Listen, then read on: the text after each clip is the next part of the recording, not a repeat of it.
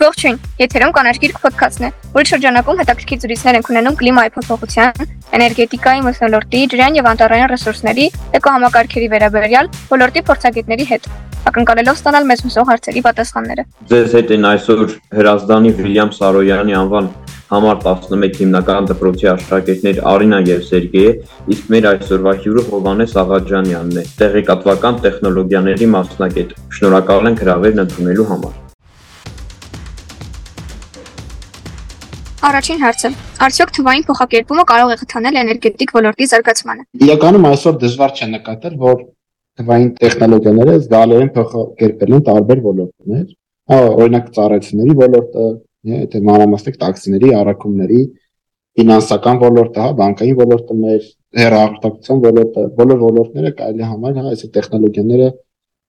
սահուն մուտք են գործել։ Թվային տրանսֆորմացիան կամ փոխակերպումը, հա, ավելի գրագետ եթե ասենք ինչպես մնացած այ նշած ոլորտներում այնպես էլ էներգետիկ ոլորտում ունի զարգացումը զգարիորեն խթանելու մեծ ներուժ թվային տեխնոլոգիաների կիրառմամբ էներգետիկ ոլորտը կարող է հասնել ավելի մեծ արդյունավետության, էֆեկտիվության, կայուն զարգացման եւ նորարարության, հա, innovation-ի։ Այսօր աշխարհում կան մի քանի ուղղություններ, որոնց միջոցով թվային փոխակերպումը դրական ազդեցություն է թողել էներգետիկ ոլորտի զարգացման վրա, հա։ Դրանց օրինակներն են օրինակ խելացի ցանցերը եւ էլեկտրաէներգիայի կառավարումը, վերականգնող էներգիայի աղբյուրների ինտեգրումը, էներգախնայողությունը եւ այդ սպառման կանխատեսումները, ընդլայնված կամ կարելի ասել, հա, կանխատեսվող վերլուծությունները հենց էներգետիկ ոլորտում կամ էներգետիկ ապակենտրոնացած էներգետիկ համակարգերը, Դա հիմնական բոլոր այն ուղղություններում, որտեղ թվային տեխնոլոգիաները օգտագործում են։ Դա ամբողջ աշխարհի, հա, երևի կարելի է տենդենսներ են, բայց վերջին տարիներում Հայաստանում նույնպես էներգետիկ ոլորտի թվայնացման մասը բավականաչափ աշխատանքներ են իրականացվել։ Օրինակ Ամերիկայի Միացյալ Նահանգների միջազգային զարգացման գործակալության շուկայի ազատականացան եւ էլեկտրաէներգիայի առևտրի ծրագրի շրջանակներում ստեղծվել է շուկայի կառավարման ծրագիրը մեծածախ շուկայի համար, որը իրանից ներկայացնում է էլեկտրոնային հարթակ, որը թույլ է տալիս կարելի ասել ամբողջականապես թվայնացնել էլեկտրական էներգիայի մեծածախ շուկան այդ գործիքի միջոցով նաև հնարավոր է իրականացնել շուկայի տարբեր սեգմենտներում առցանց առևտուր, ինչը հնարավորություն է տալիս ձևավորել մրցակցային գին կամ այդ գործիքակազմերի միջոցով իրականացնել միջպետական առևտուր կամ ինչպես նշեցի, հա, այդ գործիքի կիրառմամբ ունենալ բավականաչափ տվյալներ եւ այդ տվյալների հիման վրա իրականացնել վերլուծություններ, որը ավելի էֆեկտիվ է դարձնում այսօր շուկան։ Ու ընդհանուր առմամբ տվային փոխակերպումը էներգետիկ ոլորտում ինձ թվում է ոլորտը դարձնում ավելի խելացի, կայուն ու ճկուն, ճկուն բառը շատ կարևոր է, որտեղ տեխնոլոգիական աշխարհը շատ արագ է զարգանում եւ այդ ճկունությունը թույլ է տալիս ավելի արագ համակերպել այսօրվա իրականությանը։ Նաև դա օգնում է օպտիմիզացնել, հա, էներգետիկ ռեսուրսների օգտագործումը եւ նաև շատ կարեւոր է, որ ինքը նպաստում է վերականգնող էներգիայի աղբյուրների ինտեգրմանը։ Ինչքան կարևոր են բնագիտական առարկաները ծրագրավորման մեջ շատ լավ հարց է։ Իմ կարծիքով բնագիտական առարկաները շատ կարևոր են ծրագրավորման ու ընդհանրապես տեղեկատվական տեխնոլոգիաների ոլորտում, քանի որ դրանք զարգացնում են խնդիրները լուծելու հմտությունները, իսկ մարդու մոտ զարգացնում են ալգորիթմական մտածողությունը, ինչը ինչը նայվես նաև օրինակ տվյալների հետ աշխատանքը, վերլուծությունները, որոնք շատ կարևոր հմտություններ են ծրագրավորում սովորելու ծրագրավորման հա կամ կարելի ասել տեղեկատվական տեխնոլոգիաների գիտելիքը կիրառելու համար։ Այսօր ծրագրավորումը կարելի է համարել որպես կամ ընդհանրապես հա տեղեկատվական տեխնոլոգիաների գիտելիքը կամ տեղեկատվական տեխնոլոգիաների գործիքների կիրառումը կարելի է համարել օրինակ որպես ինչ որ մի լեզու, հա, նույն օրինակ անգլերենի, ռուսերենի նման, որ մարդը պետք է սովորի կամ լավ իմանա, հա, կիրառի այդ գործիքը, ինչ որ մի նոր բան ստեղծելու, իր աշխատանքը ավելի արդյունավետ կառավարելու համար։ Ու այդ ամեն ինչը ավելի լավ հասկանալու համար բնագիտական առարկաները շատ կարևոր են։ Դրանք օգնում են մարդուն ձեռք բերել ճկունություն այդ բարդ խնդիրները լուծելու համար։ Այդ խնդիրները, բարդ խնդիրները օրինակ բաժանել տարբեր մասերի, ավելի ճիշտ տարբեր կառավարելի մասերի ամեն մասի համար ինչ որ օպտիմալ լուծում գտնել նու ալգորիթմերի մասը արդեն խոսացի, հա, տվյալների այդ աշխատանքը երևի արդեն նշեցի, բայց նաև կարևոր է արձանագրել, որ ոչ միայն բնագիտական առարկաներն են, հա, կարևոր, այլ հումանիտար առարկաները նույնպես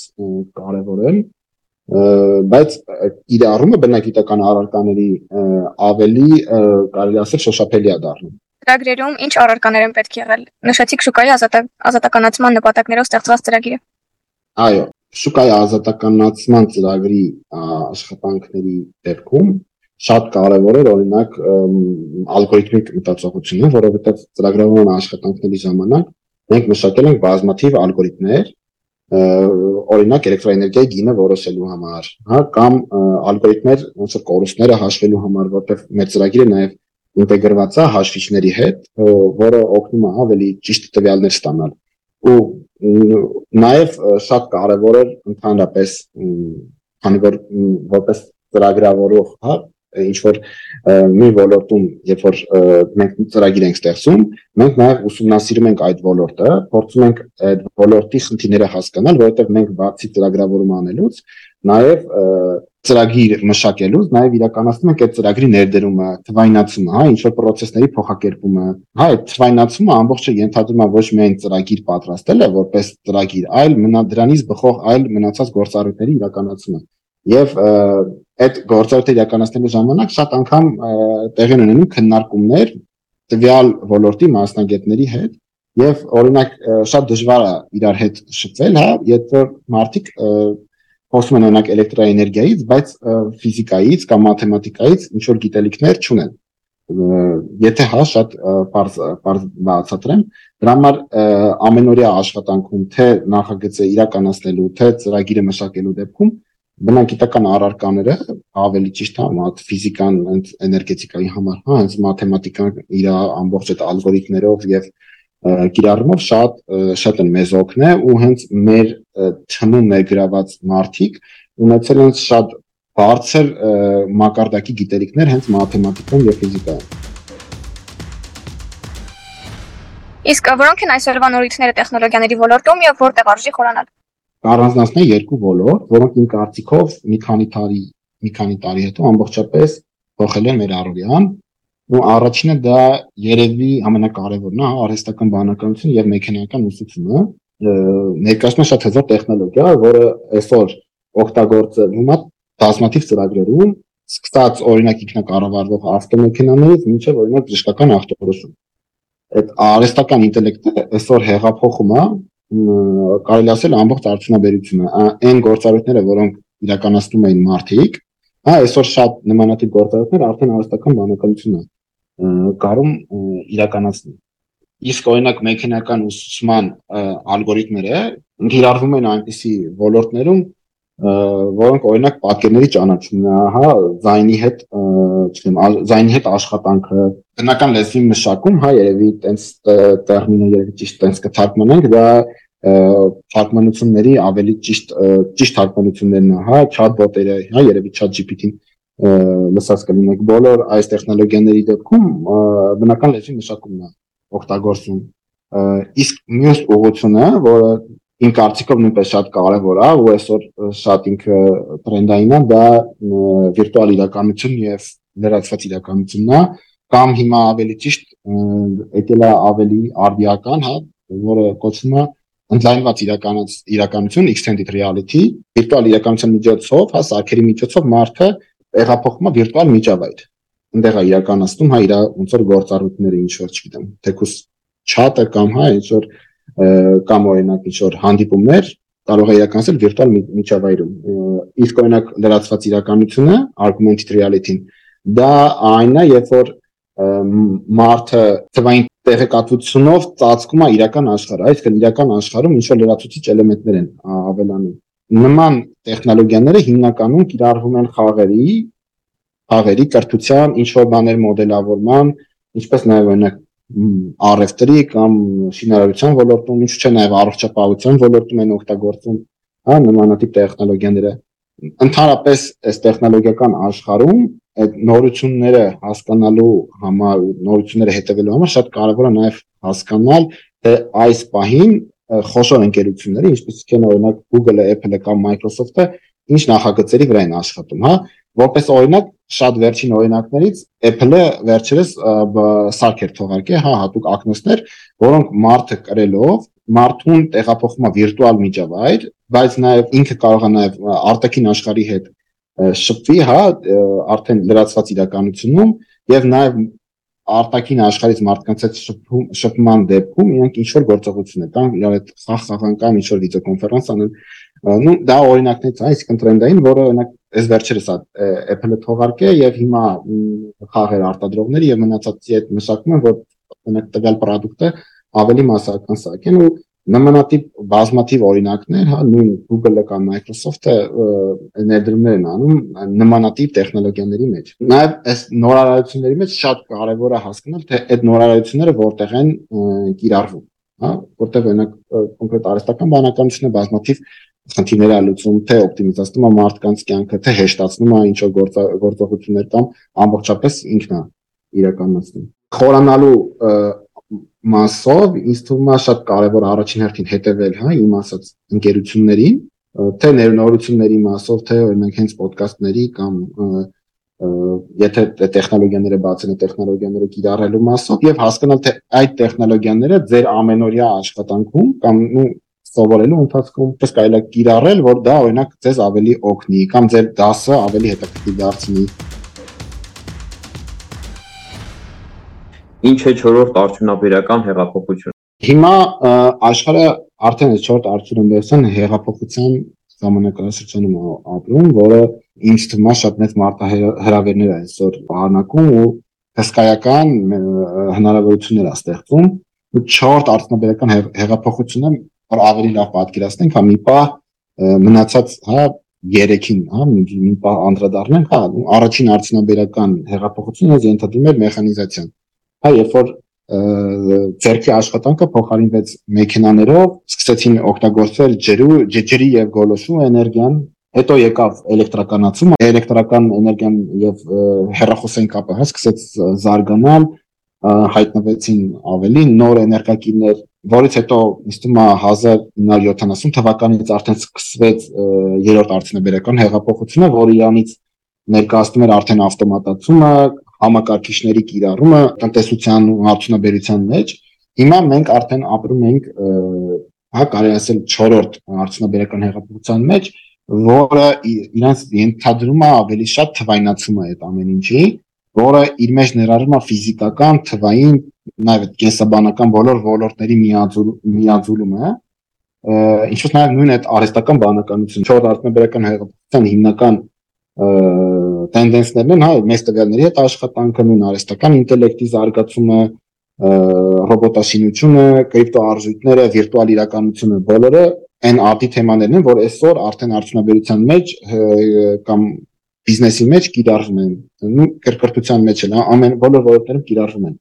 Բայց իմ կարծիքով 4-րդ արդյունաբերական հեղափոխությունը շուտով անցնելու է դեպի 5-րդ, հա, հեղափոխություն, եթե մենք նկատենք մնացած բոլոր հեղափոխությունների մեջ ժամանակահատվածը բավականին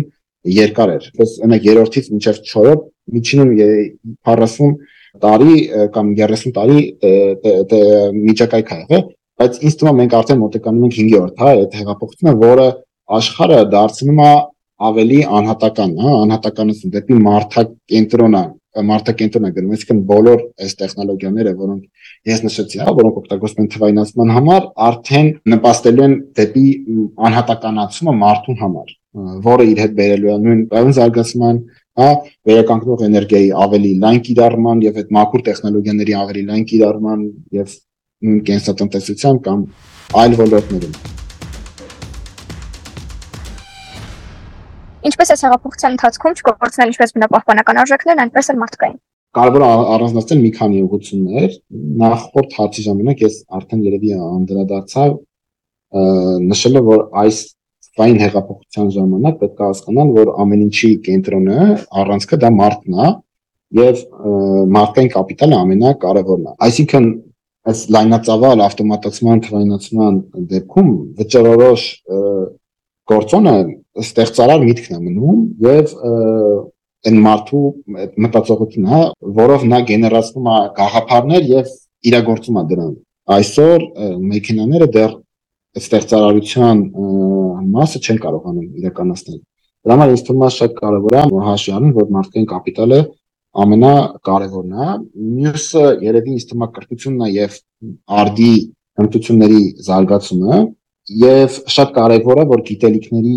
եւ հմտությունների ձեռք բերելուն զուգահեռ, հա, սովորելուն զուգահեռ ավելի վճռական է դառնում խնդիրներ լուծելու ունակությունը։ Այսինքն ստանալ այնպիսի գիտելիքներ կամ վերազինվել, հա, ավելի ճիշտ այնպիսի գիտելիքներով, որովհետեւ մենք կարողանանք արդի խնդիրները լուծել կամ այդ նույն տեխնոլոգիաները կիրառել այդ գործիքների միջոցով։ Իմ կարծիքով շատ կարևոր է համագործակցությունը բոլոր օղակների միջև, որպիսի մենք խնդիրների լուծմանը մոտիկանանք համապարփակ, հա, այսինքն համագործակցությունը թե մարդկանց, թե կազմակերպությունների միջև դառնում է ոնց որ գերակա փոխհարաբերություն։ Դա օգնելու է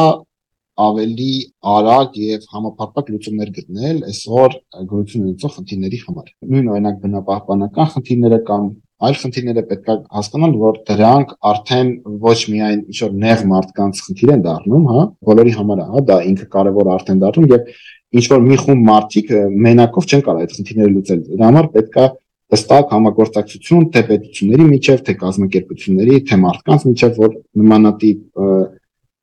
խնդիրներ իրանց լուծումը ստանան։ Ընկեր Հովանես, նորից շնորհակալ ենք հետաքրքիր զրույցի համար։ Համոզված ենք, որ ոչ միայն մենք, այլև մեր ունկնդիրները շատ նոր բաներ բացահայտեցին այս հաղորդման շրջանակում։ Դե իսկ մենք հիշեցնենք, որ եթերում կանաչ գիրք ոդքասթն է, մենք հասանելի ենք գրեթե բոլոր հարթակներում, այնպես որ բաժանորդագրվեք մեր ոդքասթին նոր հաղորդումները բաց չթողնելու համար։